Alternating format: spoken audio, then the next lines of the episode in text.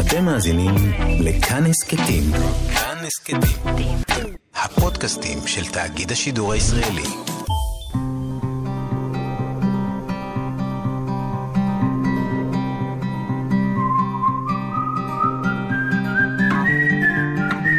אחת פלוס חמש.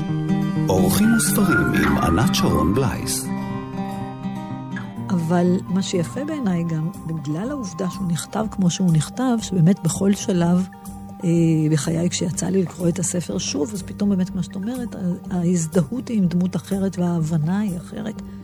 שלום לכם, מאזינות ומאזיני כאן תרבות, אורחת אחת באולפן עם חמשת הספרים האהובים והמשפיעים עליה, והיום נמצאת איתי הסופרת אסתי ג' חיים. שלום אסתי. שלום ענת. יש לך ספר חדש ששמו סיד, שיש בו שלוש נובלות.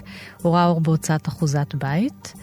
הנובלה הראשונה עוסקת אה, בזיכרון טראומטי של אישה. אפשר אולי לומר, כי זה כבר די ברור מתחילת הספר, שיש פה כמעט אונס, זאת אומרת, ברגע האחרון היא הצליחה אה, להינצל בזכות איזה אדם ששמע אותה צועקת, אבל זה נשאר זיכרון טראומטי והפחד לא להיות לבד ולא ללכת לבד ברחוב. וזה משבש את מערכת היחסים של, של כל המשפחה וגם עם בתה היחידה. נובלה השנייה, אישה שחוגגת יום הולדת 69, מלאת תשוקת חיים. והיא משתתפת גם בסדנת כתיבה אוטוביוגרפית. את גם מלמדת אה, שנים רבות בסדנות כתיבה, וגם יש פה קריצה הומוריסטית קצת על הסדנה, על מי זאת הסופרת והמורה שמלמדת. ושאלות על הכתיבה או החיים, האם לחיות את החיים או לחיות אותם בצורה כתובה. והנובלה השלישית עוסקת בלאצי, שכנראה קצת מאוהב באיזו קרובת משפחה ששמה אסתר. קצת וזה, הרבה. קצת הרבה, וזה מתכתב עם הרומן הקודם של החנשי פינות, ששם הגיבורה הייתה דודה אסתר, שמביאה לאחיינית שלה מכונת כתיבה, ולמעשה זאת אותה דודה, שגם פה היא מביאה לאחיינית שלה מכונת כתיבה. הפעם זה יותר באמת מהעיניים של אצי, של הגבר, והם אה, יוצאים לאיזה מסע בחזרה להונגריה, שגירשה אותם ושרפה את המשפחה, כדי לנסות לעשות איזשהו תיקון. והסיד, אותו צבע לבן שמכסה, שאמור לנקות את הקיר, שגם השתמשו בו בעבר uh, כדי uh, לחטא, שלא תהיינה מגפות, אגב, התקופה שבה אנחנו חיים. הסיד הזה שאמור לאטום הכל, הוא שם של הספר שלך שחושף הכל. אז בואי נתחיל אולי עם השם המעניין והפואטיקה שלו, של החשיפה. כן, באמת יש שם גם ציטוט מוויקיפדיה שמצאתי על משהו שנקרא, חומר שנקרא סיד חי. כלומר, דווקא החומר הבאמת אוטם הזה, הלבן, שמכסה הכל, יש בו משהו חי במובן הכימי של הדברים, כן. מוסיפים לו איזה חומר, ואז הוא באמת נקרא כך. ואני, השם סיד, דווקא אמרו לי, באמת, התייעצתי בזמנו עם חברה סופרת, והיא אמרה לי, אבל זה לא יהיה שם שמוכר. אז אמרתי לה... זה דווקא נראה לי שם מקסים. והם אמרו לי בשום אופן, כלומר, כן, קצת איבדתי את הביטחון כשאמרו לי, אמרתי, אבל זה בדיוק הדבר הנכון, כן. הסיד הזה, שבאופן לגמרי אורגני, איך שהוא נכנס לשלושת הנובלות, לא כן. מתוך איזו כוונה ליצור ביניהן קשר. אלא פשוט הן אוחדו אחר כך בגלל הקשר הזה שנוצר, וגם בגלל הצורך של הגיבורות האלה והגיבור, או הדמויות האלה, יותר נכון מגיבורים, לאחוז בחיים בכל מחיר, ובאמת אולי הסיד הזה אמור לכסות את העבר, אה, את הדפים של הספר, את הקירות שהוכתמו, כן. אה, בקשיים שאנשים חוו באותו בית, הגיבורה הראשונה.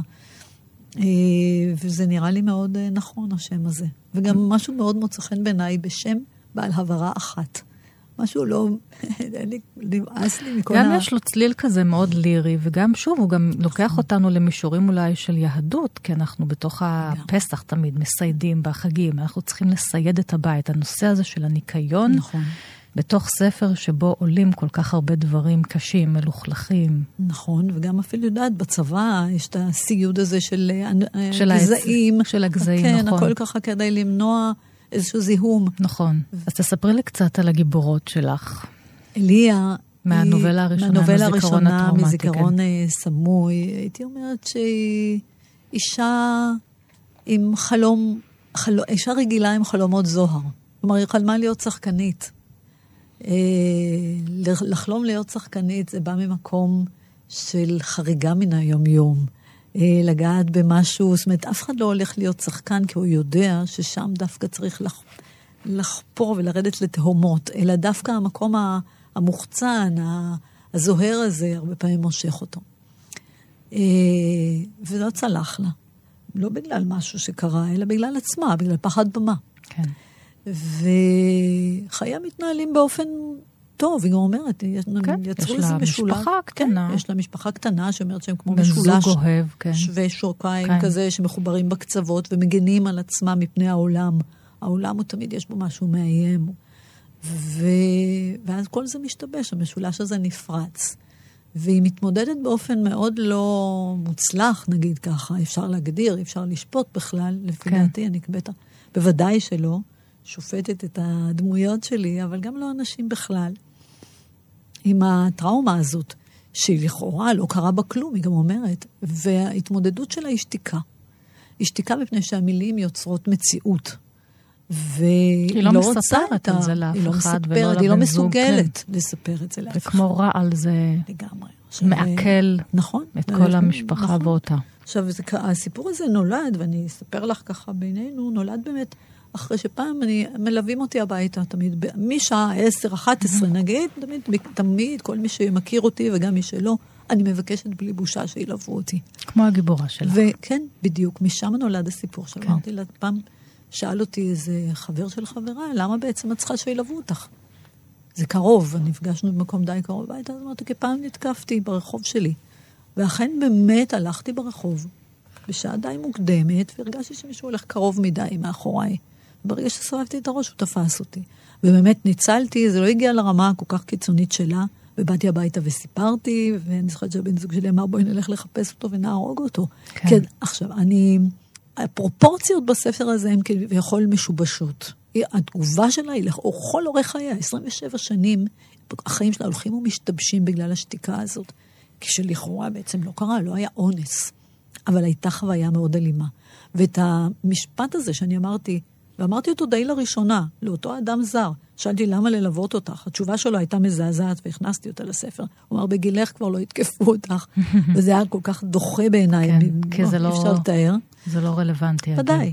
אבל uh, הבנתי שהאירוע הלכאורה קטן הזה שאני חוויתי, לכאורה, זה נצרב בי בגלל האלימות. האלימות הזאת, שאתה לא יכול לשאת אותה. אנחנו סופגים את הדברים האלה, הם מרעילים אותנו. וכשאתה סופג את זה בעצמך, אפילו כשמישהו מעליב אותך במילים, הרי אתה סוחב את זה איתך, אתה לא נרדם בלילה. אז בוודאי כשמישהו, את יודעת מה, okay. אני... אוקיי. אי אפשר, אני לא יכולה לסבול כשמישהו הולך קרוב אליי כן. מאחור. אני חושבת שזאת לא חוויה, חוויה נשית, אולי גם גברית, אבל בעיקר חוויה נשית. אני גם נכון. זוכרת את עצמי לפני הרבה שנים, כתבתי איזושהי רשימה על זה, על המבט אחורה. נשים הולכות ברחוב באמת גם בבוקר, אגב, אבל בוודאי בשעת חשיכה, אם הן צריכות ללכת לבד אה, לביתן או למקום אחר, ואם נכון. הן שומעות צעדים, אז מיד אנחנו מסתובבות אחורה, וחוששות, ובודקות, או עוברות צעד. נכון. לגברים זה פחות קורה, ואולי הם לא יכולים להבין את זה. הרבה פחות קורה, הרבה פחות, אם בכלל. כן. וגם היא אומרת שם, הגיבורה, אליה בספר, שכשהיא חוזרת בערב במקרה לבד, נכון. רואה אישה הולכת מולם, מחליפות מבט של שותפות כן, לגורל. כן, שותפות לגורל, שכמו כן. חתול, שתמיד עצורה בו איזו תנועת הימלטות. כלומר, יכול להיות לכאורה רגוע, אבל פתאום יכול לקרות משהו. ואנחנו גם רואים נשים מועדות לאלימות. הגיבורה השנייה היא מנסה, זה, זה הצד השני, הצד כן. שמנסה לחגוג את ה-69, ולא לראות את סוף החיים, אלא דווקא גם בנקודה הזאת את. תחילתם, וגם אהבה וגם תשוקה מינית. והשלישית זאת אסתר, ניצולת השואה, שהייתה כן. יפהפייה וניסתה לעזור לבני משפחתה בעזרת היופי שלה מול השוטרים כן. הנאצים כן. בהונגריה. כן. על ידי להיות כמעט אה, זונה, הייתי אומרת, כן, כן שלהם. לא, היא כנראה לא הצליחה, והיא עדיין מנסה לתקן את מה שהיא לא הצליחה, למרות שכבר כולם מזמן אה, לא חיים. נכון, אבל גם פה, אם, את, אם אני חושבת על זה, יש כאן משהו שהיא נושאת איתה. כן, ואת חוזרת טראומות... עליה אחרי הרומן שלך מלפני שבע שנים, אנשי אה, פינות. כן. אה, האמת היא שהנובלה הזאת לא נכתבה עכשיו, היא נכתבה בעבר, וש... לפני כמה שנים, אבל חשבנו אפילו בזמנו, בווריאציה אחרת, חשבתי לשלב אותה בתוך אנשי פינות, ולה... כן. אבל יגאל שוורץ, שהיה העורך שלי, טען שאנשי פינות צריך להיות לבדו, והיה לנו בהתחלה ויכוח, ואחר כך הסכמתי איתו. ולזכותו. כלומר, הפעם זה יותר הנקודת מבט באמת של אב המשפחה. לגמרי. זאת אומרת, זאת נקודת המבט של שלו. של הגבר, כן. ואחר כך עוד עבדתי על זה, והחלטתי לשלב את זה משתי סיבות. באמת, אחת, כי הדמויות האלה תמיד קרובות לליבי, ואיכשהו, את יודעת, אני הולכת עד uh, קצה העולם וחוזרת אליהן. כן. ו... סיפורי המשפחה. זה לא קורה במשפחה שלי דווקא. לא, אבל לא הסיפורים שכן. זה לא דווקא אוטוביוגרפיה, אבל כן. זה באמת הסיפורים האלה על אנשים שאני מכירה. כן. או מכירה כמותם, ורציתי להביא גם את נקודת המבט שלו כקורבן הנסיבות. אני אפילו הייתי אומרת, אה, לא, הוא לגמרי לא צדיק, הוא, כן. הוא, הוא עושה דברים איומים למדי, אבל עניין אותי דווקא להיכנס לנפשה של דמות שהיא עושה דברים איומים, ואיך, לא מהמקום הרע שלה, אלא מהמקום הפגוע שלה. כן, אבל זה מעניין מה שאת עושה. אגב, כותבים וכותבות, לקחת איזושהי דמות שהיא בספר אחד אה, עוצרת באיזשהו מקום, ואז לפתח אותה בספר אחר. כן. ו...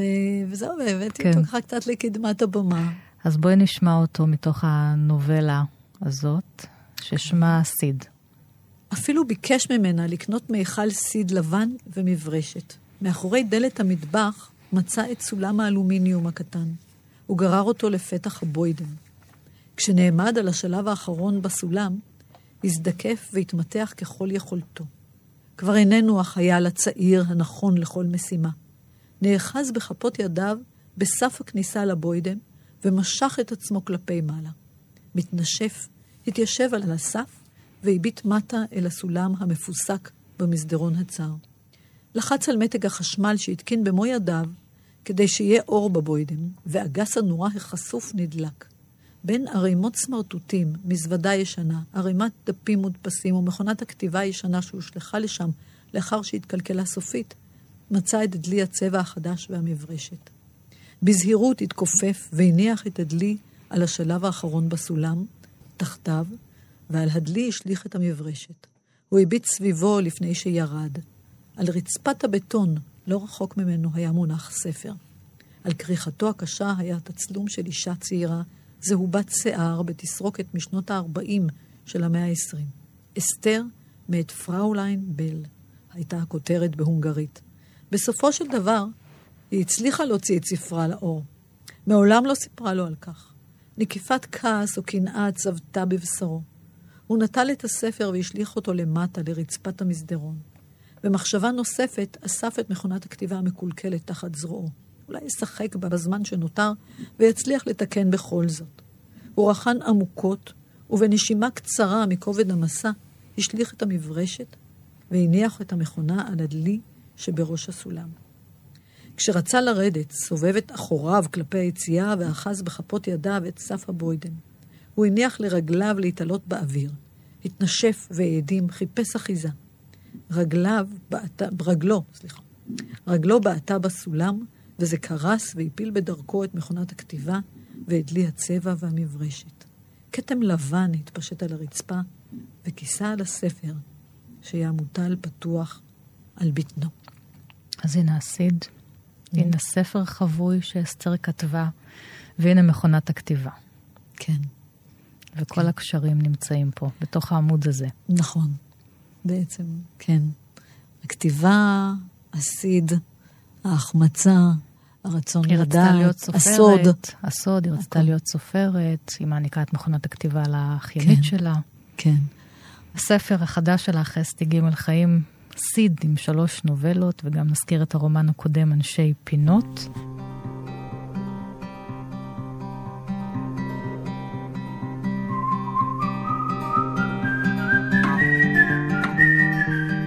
וכאן אנחנו צוללות אל החמישייה שלך, וחשבתי על זה כשעברתי והתכוננתי לתוכנית, שיש כאן יוצרים ויוצרות שכולן כותבים על נשים אה, לא שגרתיות, על נשים מורדות, לפעמים מתוך ההיסטוריה והכורח, לפעמים מתוך בחירה או בחירות נפשיות. אבל אלה הספרים שבחרת, ואנחנו נתחיל עם אה, סופרת ואמנית הסיפור הקצר עידה פינק. חיה בישראל ניצולת שואה וכותבת בפולנית, דוד ויינפלד כן. מתרגם אותה. פשוט באמת אה, זוהר של הסיפור הקצר, שרובו מתייחס גם לשואה, לחיים באירופה, בלשון מאופקת. מאוד, ממש יצרה איזושהי לשון, זאת אומרת, זו אולי, היא שייכת לאנשים האלה ש... שחיפשו איך כותבים את מה שקרה שם. נכון. איך אני אומר את זה בלשון, את מה שאי אפשר לומר. ואני, יש לי חיבה מאוד גדולה לסיפורים קצרים. יש לי הרבה מאוד סיפורים קצרים, כן. שמפעם לפעם מתפרסם באנתולוגיות, הקובץ הראשון של הגזנית שחורה בלהקת יחידי הסיפורים קצרים. ו... הקובץ הראשון שלך. כן, שלי, סליחה. ואני מאוד, אה, גם שני, שני דברים קרובים לליבי, גם הנושאים שהיא כותבת עליהם, וגם הדרך המופלאה, החזקה, הייחודית, שבה היא מתארת את מה שבלתי ניתן לתיאור. כי בעצם, שוב, היא משאירה פה הרבה מאוד רווחים. היא לא כותבת אף פעם משהו מפורש כן. על, היא לא מתארת זוועות, אין כאן שום, אה, מה שנקרא, פורנוגרפיה של השואה, שזה ביטוי שאני פחות אוהבת, אבל היא לא... ויש סופרים ש... יש, ואני גם לא פוסלת אותם כן. לפעמים, זה תלוי איך ומה. זה תלוי בצורך בספר. לגמרי. אני, אני חושבת שכל החלוקה הזאת של כתיבה מינימליסטית והש... לעומת כתיבה עשירה, או גודש פרטים, או היעדר פרטים, מאוד מאוד תלוי הסיפור שאנחנו רוצים לספר ואיך צריך לספר אותו. זה אין שיטה אחת. אה, אבל אצלה דווקא באמת היא מצליחה לגעת מאוד עמוק באמצעות מעט מאוד אה, אה, מילים. כן, הייתי אומרת שזה כמו רישום. זה רישום לגמרי, ככה. ובאמת כשאני רואה פה את הפורטרט כריכה, גם לכריכה, הפורטרט יש רישום. כמו רישום באמת... פחם במקום איזה ציור שמן. אה, לגמרי. זה אפילו כן. לא אקוורלים, ממש, אלא ממש, ממש. רישום עדין ברפידוגרף, ככה יודעת, משהו מאוד מאוד מעודן. אה, והסיפורים שלה כבשו את ליבי. יש תמיד סוד בספר שאתה אוהב או שאתה נקשר אליו, ולא תמיד ברור למה. כלומר, אתה יכול לומר את זה במילים מאוד אה, אקדמיות או אפילו רגשיות, אבל זה אף פעם לא יבטא את הסוד הזה שיש בקשר הזה שנוצר בין קורא ל, ל, לסיפור, אה, איזושהי אינטימיות. כן. ודווקא בגלל ההיעדר הזה אצלה, נוצרה איזושהי אינטימיות מאוד גדולה ביני לבין הסיפורים שלה, והם מאוד קרובים לליבי. והייתי שמחה, אם יכולתי, והיא כבר נפטרה, לדבר איתה קצת על סיפורים קצרים, אבל אני מסתפקת לגמרי בלקרוא אותם. מה בחרת מתוך הספר? בחרתי את הראשון סיפור? דווקא. הסוף שמו. כן, שהוא בעיניי יוצא מן הכלל, כי הוא מצליח לתאר דרך זוג צעיר, תמים מאוד, אנטיתזה מוחלטת של רוע ושל מלחמה ושל התרחשות, את יודעת, היסטורית גדולה בהתרחשותה, ודרך הזוג הזה שהחיים הקטנים שלו, תחילת האהבה שרק הנצה, אה, ישובשו עכשיו, זה ברור גם להם, זה ברור לקורא, אה, ועדיין הם מנסים ללכוד עוד רגע קטן של נורמליות.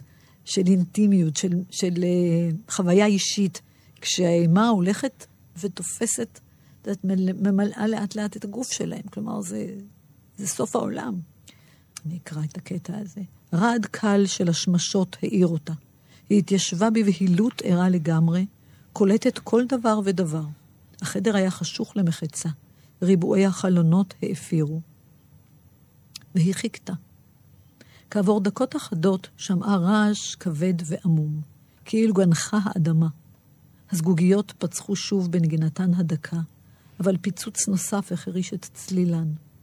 היא הציצה בשעון, עוד מעט ארבע. היא זזה בזהירות כדי שלא להעיר את הצעיר הישן ונשענה על הקיר, התבוננה בו. חסר מגן, כילד שכב, וכמוהו לא מודע לרוע שכבר משתולל בלי מעצור. היא ראתה את הגוון השחום של גופו, את הצדודית החדה, הטרופנית של הפנים הצעירות. היא דפדפה באצבעותיה על שערו. תישן, תישן, לחשה. ורחנה מעליו, והוסיפה לרקון, שומרת על הרגעים האחרונים של שנתו השלווה. השחר הבשיל, והשמש שלטה. כבר 15 דקות הייתה מלחמה. זה הסוף של הסיפור. כן. זה הסוף של הסיפור. בין האהבה הגדולה, כן. ב-15 דקות כבר יש מלחמה. כן, ואני קוראת את זה, וזה מצמרר אותי שוב ושוב.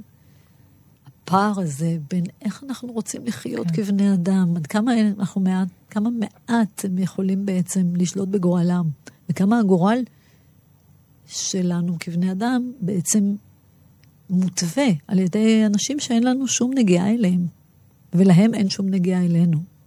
אז בעצם הוריי גם חוו את השינוי החד הזה בחייהם, בגלל דברים שלא הייתה להם שום שליטה עליהם, בגלל אנשים אחרים.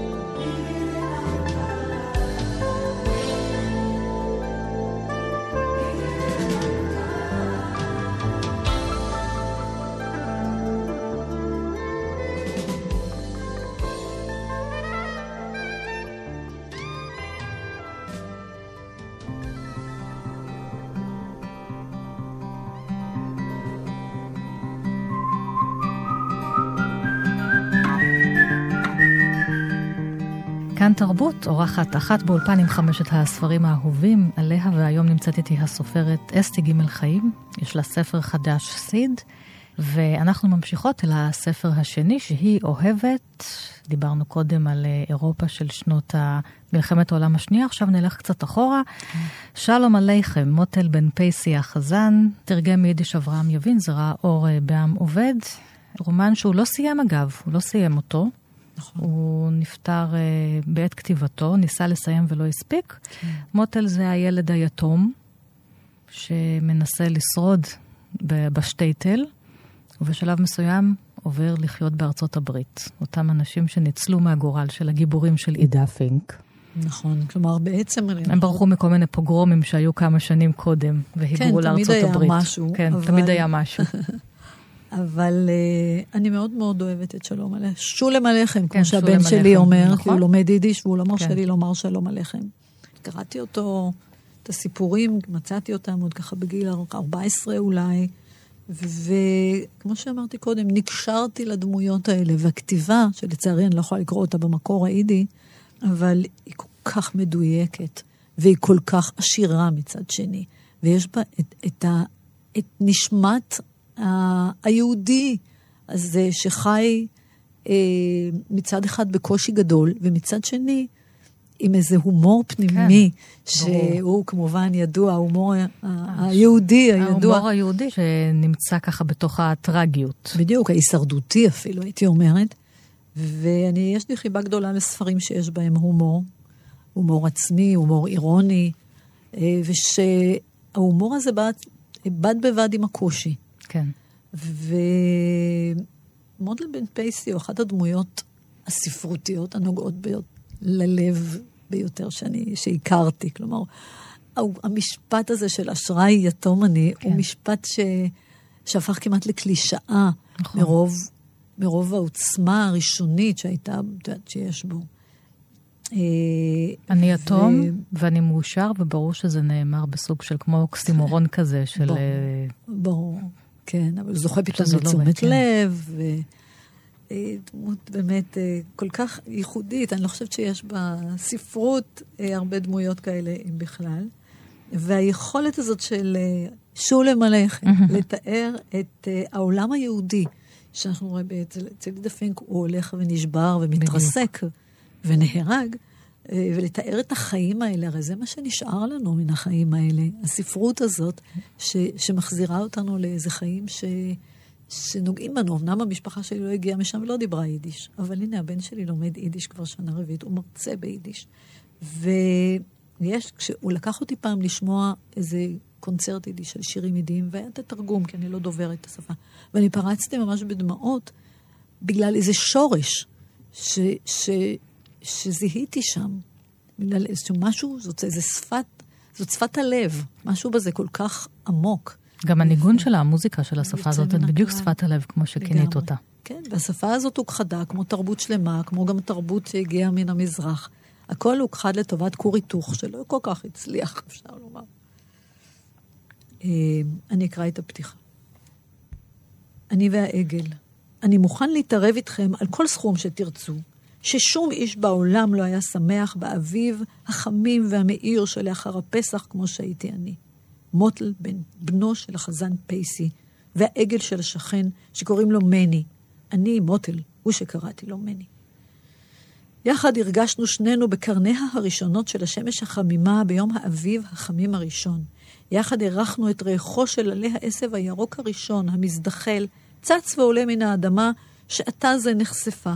ויחד הזדחלנו ויצאנו שנינו מן הדוחק האפלולי לקבל את פניו של בוקר האביב החמים, המאיר והמתוק הראשון. אני, בנו של פייסי החסן מוטל, יצאתי מהבוץ, ממרתף קר ולחלוכי, שריח של שאור ותרופות של בית מרקחת עומד בו. ואת מני, העגל של השכן, שילחו מצחנה גדולה אף יותר, מעורבונת קטנה, חשוכה, מרופשת ומטונפת, שקירותיה מעוקמים ורעועים, שבחורף נושב לתוכה השלג, ובקיץ מצליף לתוכה הגשם. אפילו התיאור הזה, שהוא תיאור ההתחלה, שרק הוא סוג של הקדמה של הסיפור, שהוא רק נותן לנו איזו אווירה של הסיפור, שהדיבור הישיר הזה של מוטל אל הקורא, שזה משהו שקורה פחות באמת, ועושה חשק לכתוב משהו כזה, כן. כי יש איזה, זה כזה על גבול הספרות תיאטרון, בעצם מונולוג שמדבר כן, ועשו ממנו תיאטרון לא מעט. לגמרי. גם, גם כן. הזה. Uh, מצליח uh, לשלב כאילו בין ה... מצחין לבין, ה... כן. בין לבין יופיו של האביב, בין הבוץ לבין הפריחה. אגב, שזה נמצא הרבה בספרות, גם שלו וגם של סופרים בני דורו, האנשים שגרים לצד החיות. נכון. זאת אומרת, הצריף, השטייטלים, שם פחות או יותר הפרות, העגלים, התרנגולות, הם גרים איתם ביחד. נכון, נכון. הם משמשים נכון. אותם גם למאכל לפעמים, אבל יש גם איזושהי חברות. יש איזה קשר משפחתי כמעט כן, כן. כולם יחד, נכון. אבל באמת מה שיפה בעיניי זה השילוב של המכוער, מדכא, כן. חשוך, והאביב, שבכל האביב. זאת הוא מצליח להבחין בו, וזה בעצם אופיו של כל הספר הזה, של השילוב בין, ה, בין הקושי לבין ההומור, בין היופי לבין הכיעור. ודברים מן הסוג הזה אפשר גם למצוא בספר הבא שלך, שנחשב לספר ילדים, הספר השלישי שאת בוחרת. אחת פלוס חמש. אורחים וספרים עם ענת שרון בלייס. בילבי או גילגי? בשבילי זה גילגי. גילגי, כי פעם תרגמו אותו גילגי. כשהיינו קטנות. כן. אסטריד אה, לינגרן הסופרת השוודית, עם בילבי או גילגי גרב ברך או בת גרב. אה, הג'ינג'ית, המרדנית, המנומשת, שיתומה מאם, אב והרב חווה לא ברור, הוא הלך לאיבוד. איך שלא יהיה, היא חיה לבד בבית, עם קוף, מיסטר ווילסון, וסוס. אגב, הנה, דיברנו על חיות, היא חיה עם חיות. כן. אה, ישנה איתם בבית. נכון. והשכנים שלה הם זוג אה, ילדים, אה, טומי ואניקה, הממושמעים מאוד, שהולכים לבית הספר כמובן, כי גילגי לא הולכת. והיא מוציאה אותם למה, תרבות רעה, להרפתקאות. ואגב, בתור ילדה יתומה היא מלאת שמחה. ברור, כן. כן. גילגי הוא ספר יוצא דופן כן. בעיניי. וקראתי אותו ממש כשהייתי ילדה, ואני, וחזרתי וקראתי בו שוב ושוב הרבה מאוד פעמים. בשבילי זה גילגי. אני גם זוכרת שהייתה איזו תסכית אה, פעם ש, ש, שקראו לה גילגי, ואני אפילו זוכרת איזה שיר משם ככה, הייתי ממש קטנה אז ככה במעורפל, אבל זה הגילגי הזה נטמע בי, וכשאומרים בילבי זה, זה כבר דור אחר. כן. אבל במקור שמה הוא פיפי לונגסטרומפ, כאילו בעצם יש לה, זה, לא, לא רצו לקרוא לה פיפי, כי כן, זה, זה כמובן נשמע, נשמע לא טוב, וילדים לא כל כך התחברו לשם הזה. זה ראה אור ב-1945. שוב, מדברים על סוף מלחמת העולם כן, השנייה, נכון. שזה גם מעניין, הנושא הזה. נכון. כי נכון. היו הרבה ילדים יתומים. נכון. וגם יש המון ילדים יתומים בספרות בכלל. נכון, נכון. אז אני כל ילדותי קראתי רק כן. על ילדים יתומים, ואפילו זה נהיה איזה סוג של... היו לי איזה שני חלומות אה, כמוסים מאוד ומביכים מאוד. אחד מהם זה שאני, שהתגלה שאני מאומצת, שזה כנראה מכל מיני סיבות, והשני זה שסוג של יתמות, שאני אוכל להיות לבד קצת, כן. כי כמו שאצלנו היה בית מאוד דחוס, שאני אהיה כן. לבד ו... ואני אעשה מה שאני רוצה. כי כמו לא גילגי. היה... כמו כן, גילגי. גילגי הייתה סוג של משאת נפש, והיא פתאום ילדה אחרת. גם אני גדלתי בדור שבו לא הייתה נוקשות של פעם אה, אירופאית, אבל כן היה, היה מאוד ברור מה, מה, מה נכון לילדה לעשות, מה פחות. ואני דווקא הייתי ילדה מרדנית קצת ו... ועצבנית, לא ילדה... כן, טוב, את גם קצת חמודה. ג'ינג'ית. בואי נאמר שעכשיו אני קצת ג'ינג'ית, כי זה טעות, אבל, אבל אה, הייתי בעיקר בהירה, אבל כן, האור, יש משהו ב... בלהט כן, אבל זה, אני אומרת, זה שוב אולי על סף, באמת על סוף המלחמה, שאסטריד אה, לינגרן כותבת את זה ואומרת, מה החוקים האלה לכם? מה בית הספר הזה לכם? הרסתם את העולם, מי אתם המבוגרים שתאמרו לנו מה זו, איך לילדים, איך לחיות? מי אתם? לגמרי, בדיוק. כלומר, מי באמת, הסמכויות, כל הסמכויות התערערו. כן. ואני לא ידעתי את זה, לא ידעתי מה הרקע, אבל כן. פתאום קראתי על ילדה אנרכיסטית, שבעצם יכולה לא ללכת לבית הספר, לא לעשות כרצונה, לא לפחד מהמבוגרים. ילדה עם כוח. קודם כן, כל, שני נכון, דברים. כן. זאת, סופ, זה בעצם סופר ילדה ממש. יש לה כוח, נכון, היא מרימה את הסוס יש לה כוחות מופלאים, לא נכון? רק את הסוס, גם יש שם גנבים שנכנסים נכון, הביתה והיא מנצחת אותם. אגב, בתרגום הישן, אה, שאני לא זוכרת של מי הוא כרגע, אבל אה. הקוף נקרא מר... מרקוף ברקוף, כלומר, אז עברתו כן. את כל נברתו, השמות. ברור, כן, זה התרגומים של פעם. ואחד הדברים שנורא מצאו חן בעיניי, זה היעדר הנימוס שלה, זאת אומרת, עובדה שהיא... אבל היא מאוד רצתה להיות מנומסת, דווקא רק שהיא לא ידעה איך, היא באה מן הים, והשקרנות שלה. אני גם הייתי ילדה שממציאה. הגבול הדק הזה בין שקר לבין דמיון והמצאה. זה מאוד מעניין. זה כי היא מאוד מספרת מעניין. סיפורים. כן, ודאי, אבל המצאתי כן. דברים שלא יאמנו. לא, היא לא עושה שקרים למען לא. אינטרסים, אינטריגות, קומבינות לא, לא, רוע. זה לא שקר לא, זה מניפולטיבי. כזה, ממש. זה אז- השקרים הטובים של ודאי. הסיפורים. כן. כן, סיפור ידוע שפעם אמרתי כן. גם, שבאמת, אני זוכרת שפעם הזמנתי ילדים לבוא עם תיקים, מאחורי בית הורה היה מין, אה, מין כביש ללא מוצא שנגמר בוואדי. גדלת ומשחקים שם, בחיפה. בחיפה. אנחנו אומרים ואדי. כן, והזמנתי אותם לארבע אחר הצהריים עם תיקים ותרמילים, כי אנחנו ניסע כולנו לרמות ים על ים הרמות, בעקבות הורה כפולה אגב. כן, נכון. והם הגיעו. והם שאלו איפה המטוס. ואני אמרתי, טוב, הוא צריך להגיע, הוא צריך, אלוהים יודע מה חשבתי, אבל כן. בערך בת שמונה, תשע, ו... ולא הגיע מטוס, וכמובן שאמרו שאני שקרנית. אבל היו כמה המצאות כאלה, אבל מאוד מצא חן בעיניי שהיא ממציאה, כן. משקרת, היא כאילו לא קוראת לזה המצאה, היא קוראת לזה, הם קוראים לזה שקר, אבל זה מתקבל נהדר, כלומר, אין, אין עונשים בספר הזה, אין, אין את המבוגר האחראי. המבוגרים יוצאים מאוד נלעגים, אז אה, טוב, אז זה נקרא את זה. אני אומר רק את ההקדמה, היא מוזמנת למסיבת תה אצל ההורים של טומי ואניקה. היא מעולם לא הייתה במסיבת תה. בטרקלין של משפחת סטרגרין ישבו שלוש גברות בנות טובים, ונוספו עליהן טומי אניקה ואימם. השולחן היה ערוך בכל מיני עוגיות. באח, בערה אש, הגברות היו משוחחות זו עם זו בנחת, וטומי ואניקה היו יושבים על הספה ומסתכלים באלבום של צילומים. השלום שרר בקול. אולם לפתע פתאום הופרע השלום. קריאה מחרישת אוזניים הגיעה מן הפרוזדור. עוד רגע וגילגי בדלת. קריאתה הייתה כה צורמת ופתאומית שהגברות ממש רעדו.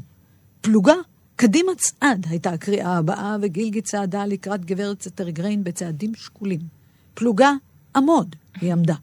זרועות קדימה, אחת שתיים, צעקה והחזיקה בשתי ידיה את ידה של גברת סטרגריין ולחצה אותה בלבביות. ברכיים לכרוע, צעקה והחוותה קידה.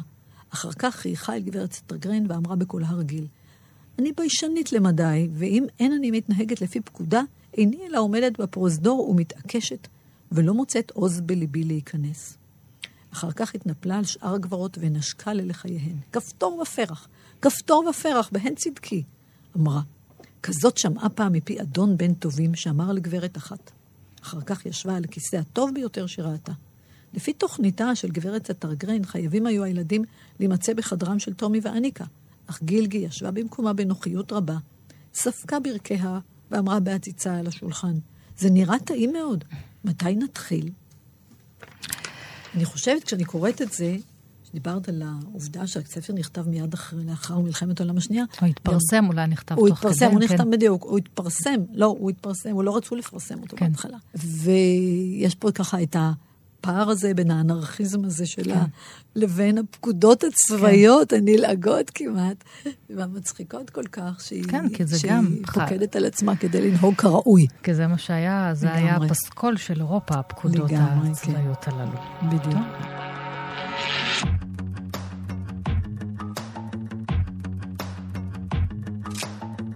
I've heard some people talking about killing bees. Take away all their honey out of a summer breeze. Flowers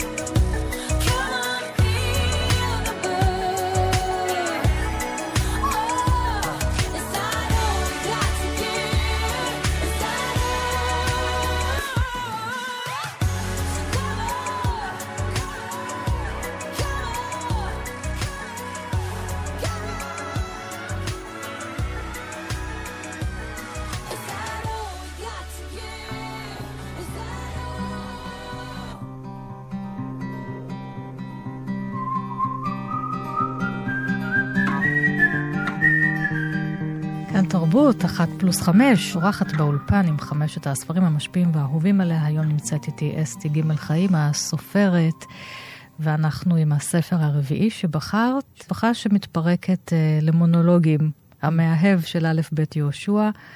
אמרתי קודם שאת חיפאית, מתרחש בחיפה. אדם נשוי לאסיה, יש לו מוסך, הם עוברים טרגדיה, מאבדים את הבן שלהם יגאל, ויש להם עוד בת גדולה דפי, אבל אסיה כנראה, לא כנראה, זה מערער את נפשה. כן. היא מתנחמת בזרועותיו של המאהב גבריאל, עד שהוא נעלם.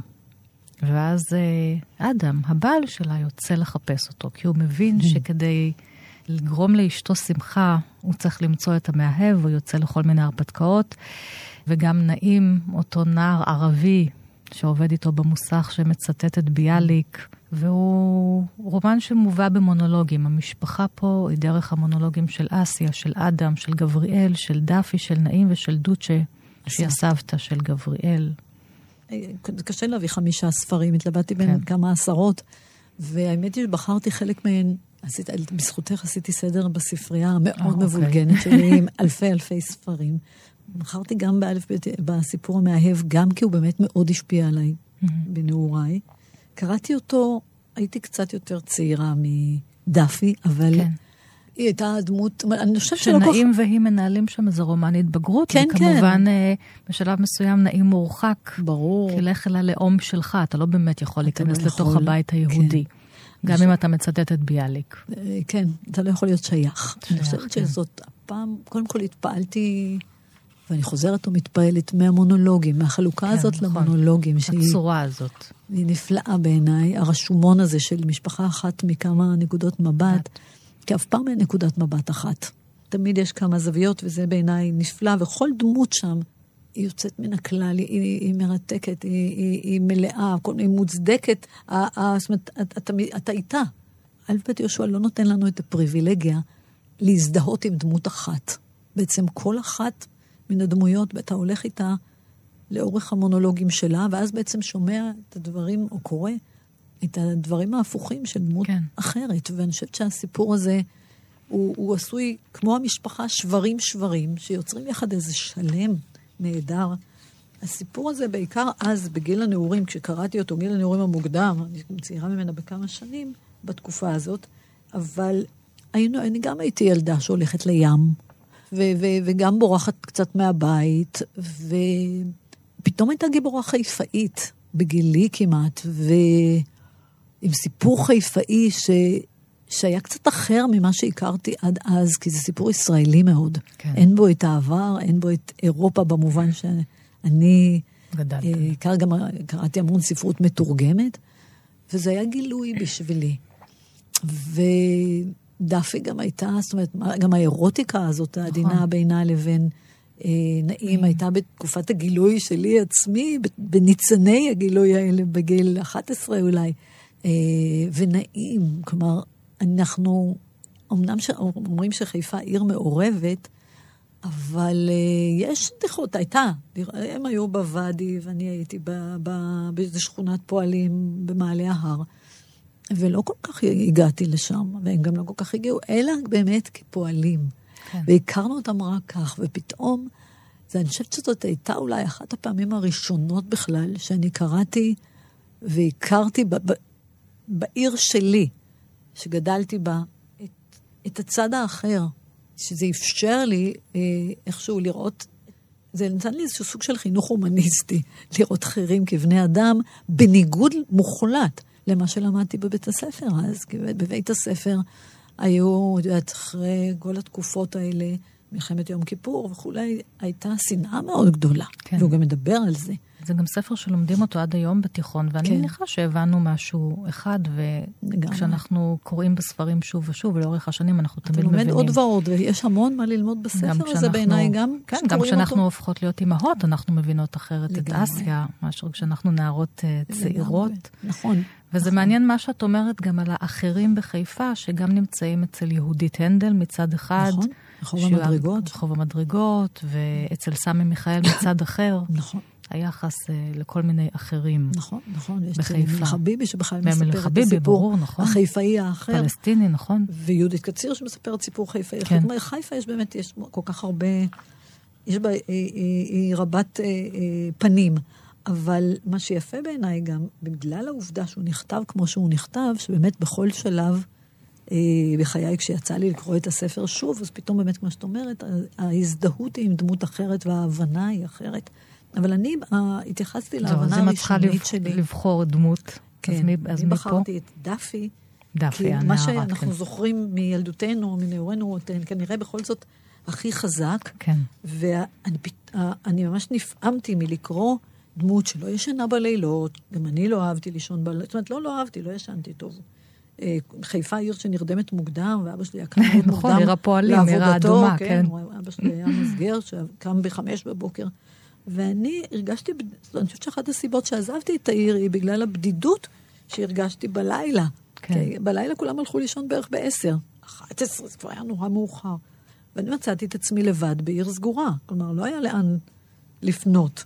ופתאום מצאתי מישהי, איזה נפש תאומה קטנה כזאת, ומאוד דיבר אל ליבי, אז אני אקרא מתוך הקטע הזה דווקא. דפי, עייפות כזאת, מה אתם חושבים? בלילות אני לא ישנה. חוטפת אולי שעת, שעת שינה לקראת הבוקר, וכבר אמא קורעת אותי מהמיטה. ועד שהיא לא רואה אותי יושבת ושותה קפה, היא לא עוזבת את הבית. בהתחלה, מוזר, העייפות לא נוראה, ואני אפילו לא מאחרת לבית הספר. בשיעור הראשון אני די צלולה. מה עוד שכולם עוד חצי מנומנמים, אפילו המורה. אבל המשבר בא תמיד בשיעור השלישי. כך, בסביבות עשר ורבע, אני מרגישה חלל בפנים מרוב עייפות. הלב צונח בי, הנשימה נעשית כבדה, כאילו אני מתה. בהתחלה הייתי יוצאת לי החוצה לשטוף את הפנים ולנסות להתנמנם על איזה ספסל. ליד השירותים מצאתי כוך כזה וניסיתי להירדם שם, אבל זה לא בטוח. כי שוורצי, המנהל, כל הזמן מפטרל בשטח. מה יש לו לעזאזל לעשות ליד בית שימוש של בנות? ופעם תפס אותי שם והתחיל עם החוכמות שלו. זרק אותי אחת ושתיים חזרה לכיתה. התחלתי לחפש מקומות אחרים לנמנם בהם, אבל לא מצאתי כלום, כי כל בית הספר לא מאורגן לתת שינה לתלמידיו. הייתי ממש אומללה. בסך הכל הייתה מספיקה לי תנומה של רבע שעה כדי לקום לתחייה. בסוף מצאתי רעיון נפלא. לישון בכיתה בזמן השיעור, ואפילו מצאתי מקום מתאים לכך, בטור הרביעי לפני הסוף, יש בליטה, עמוד שמחזיק את התקרה ויוצר מחסה קל, מסתור, במיוחד אם מצמידים את השולחן טוב לקיר. כך אפשר לנתק מגע עם המורה. נמצאים ולא נמצאים. אז זה דווקא קטע שהוא ככה כמו בסוגריים, אבל, אבל הוא מעיד על משהו, גם על אופייה, כן. ו, וגם על איזה אופי קרטני של, של מורים אז ובית ספר. ושוב, זה מתקשר לגילגי מקודם. לגמרי, אוקיי, תבוא לבית ספר, אבל היא תלך אחורה לישון. אבל היא תלך לישון.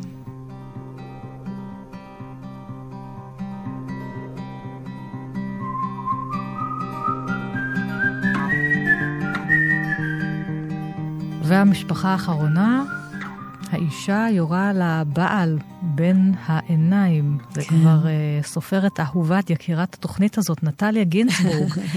הסופרת האיטלקייה היהודייה הנהדרת, הנפלא. מרומנים והסיפורים הקצרים והנובלות. הספר הזה, ככה זה קרה, אה, תרגום של מירון רפפורט מאיטלקית, ואנחנו יודעים כבר בתחילת הנובלה מה קרה. כן. יש רצח, אנחנו יודעים מי הרוצחת, זאת אומרת, לא יהיה פה סיפור בלשי במובן של מי הרוצחת, יהיה פה סיפור בלשי במובן הנפשי. למה אותה אישה רוצחת את הבעל שלה, עוד יורה לו בין העיניים. כן. אמרתי לו, תגיד לי את האמת. והוא אמר, איזו אמת? ושרטט בחיפזון משהו בפנקס שלו, והראה לי. רכבת ארוכה, ארוכה, עם עננת עשן שחור עבה, והוא מציץ מן החלון ומנופף לשלום במטפחת שלו. אומרת, הוא רוצה ללכת. ואז יריתי לו בין העיניים. זה משפט הפתיחה, פסקת הפתיחה של הספר. שהיא אחת הפתיחות החזקות, קוט. המרשימות והנפלאות שיש. אה, זאת נובלה. אני חושבת שבכלל היצירות, מהיצירות היפות ביותר בספרות, הן דווקא דווקא נובלות. כן, משהו שהוא בין סיפור קצר לבין רומן. כן, בדיוק. מין אורך מספיק ולא רומן לא קצר. רומן קטן, נובלה. כן. כן, זה משהו שהוא ככה, אני אומרת שהוא קצת כמו אגרוף. כלומר, כן. שאתה לא יכול לבזבז פה מקום על סמטאות צדדיות. דיוק כזה והנפש הזאת, שאתה הולך איתה, בעצם היא מתחילה באמת, היא, היא מתחילה מהסוף. הדרמטי כל כך, פתיחה כל כך דרמטית, מצפה שהסיפור יהיה מאוד דרמטי. והסיפור לא הולך לרוחב, הוא אפילו בקושי הולך לאורך, הוא, הוא הולך לעומק. הוא הולך פנימה כל הזמן. לתוכה ו- הגיבורה. לתוכה. ובסופו של הסיפור הזה, גם אתה רוצה לראות בו בין העיניים. Okay. כן. כלומר, גם הקורא כל כך מזדהה איתה, ואני חושבת שאחד הדברים המופלאים שיש בספרות בכלל, ובספר הזה בפרט, הוא היכולת לגרום הוא היעדר המוסר לכאורה. Mm-hmm. כי בספרות ובאומנות בכלל לא צריך מוסר, לא פוליטיקלי קורקט, לא מוסר, לא שום דבר מהסוג הזה, כי הם האויבים הגדולים של, של, של, של האומנות, של החופש האומנותי בכלל, נכון. בוודאי. ובעצם היכולת הנפלאה הזאת לתאר את, ולהצדיק רוצחת. אה, בחיים לא היינו מקבלים את זה, כי אנחנו כל פעם, את יודעת, אנחנו לא נכנסים לעמקי סיפורים וזה לא מעניין אותנו, לא עושים את זה, נקודה. אבל בספרות ובספר הזה, אפשר להבין ו, ולהזדהות עם הכאב הנורא של, ה, של תחושת האי-שייכות שלה, של הצורך הנואש שלה באהבה, של התחושה של העובדה שהיא דחויה כל כך, שהיא לא מרגישה קיימת. שהוא. התחתן איתה מראש, שהוא בכלל מלכתחילה, בלי לאהוב אותה, בדיוק. אלא לאהוב מישהי אחרת. כן, כן. כשהוא מלכתחילה גם... למרות שגם היא הסכימה לה...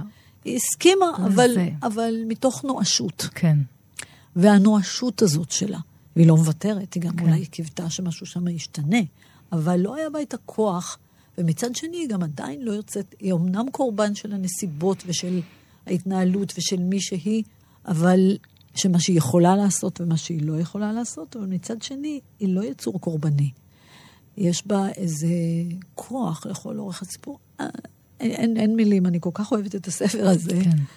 אני אקרא את הפתיחה הזאת, זו, ואני רוצה לומר... תמשיכי את מה שקראתי. כן, גם כשחקנית, אמנם mm. אני כבר לא משחקת, אבל עדיין, אני חושבת ש... אבל אני משחקת כשאני כותבת, כן. יודעת, אנחנו מתגלמים בדמויות שלנו קצת באותו אופן. יש, זה כאילו עורר בי את החשק לעמוד על במה ולעשות את המונולוג שלה. אמרתי לו, תגיד לי את האמת. והוא אמר, איזו אמת? ושרטט בחיפזון משהו בפנקס שלו והראה לי. רכבת ארוכה ארוכה עם עננת עשן שחור עבה, והוא מציץ מן החלון ומנופף לשלום במטפחת שלו. יריתי לו בין העיניים. הוא אמר לי להכין לו את התרמוס לנסיעה. ניגשתי למטבח והכנתי תה, הוספתי את החלב והסוכר ושפכתי לתרמוס. הברגתי היטב את הכוסית, ואחר כך חזרתי לחדר העבודה. ואז הוא הראה לי את הרישום, ולקחתי את האקדח מהמגירה, במכתבה שלו, ויריתי בו. יריתי לו בין העיניים. אבל כבר הרבה זמן חשבתי שזה מה שאעשה לו, בהזדמנות זו או אחרת. לבשתי את מעיל הגשם והכפפות ויצאתי. שתיתי קפה בבר והתחלתי להסתובב בעיר בלי מטרה. זה היה יום צונן, ונשבה רוח כלילה עם ניחוח גשם. התיישבתי על ספסל בגינה הציבורית, והסרתי את הכפפות, והתבוננתי בכפות ידיי.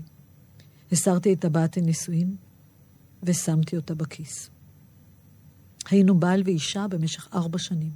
הוא אמר לי שהוא רוצה לעזוב אותי, אבל אחר כך הילדה שלנו מתה, ולכן נשארנו יחד. הוא רצה שיהיה לנו עוד ילד. אמר שזה יעשה לי טוב, ולכן עשינו הרבה אהבה בזמן האחרון, אבל לא הצלחנו להביא עוד ילד. כל הסיפור ב... קליפת אגוז. לגמרי. תודה רבה. רבה לך, הסופרת אסתי ג' חיים. לך יש ספר חדש עם שלוש נובלות ששמו סיד, שראה אור באחוזת בית, ואני מאוד שמחתי לקרוא אותו, אז אני גם ממליצה לכם, המאזינות והמאזינים, תודה על אהבת הספרים שלך והחמישייה שהבאת לכאן. כל התוכניות של אחת פלוס חמש זמינות לכם בדף ההסכתים של אה, כאן תאגיד השידור, ועוד פרטים על התוכנית שלי תמיד בדף הפייסבוק שלי. תודה לכם, שבת שלום, להתראות.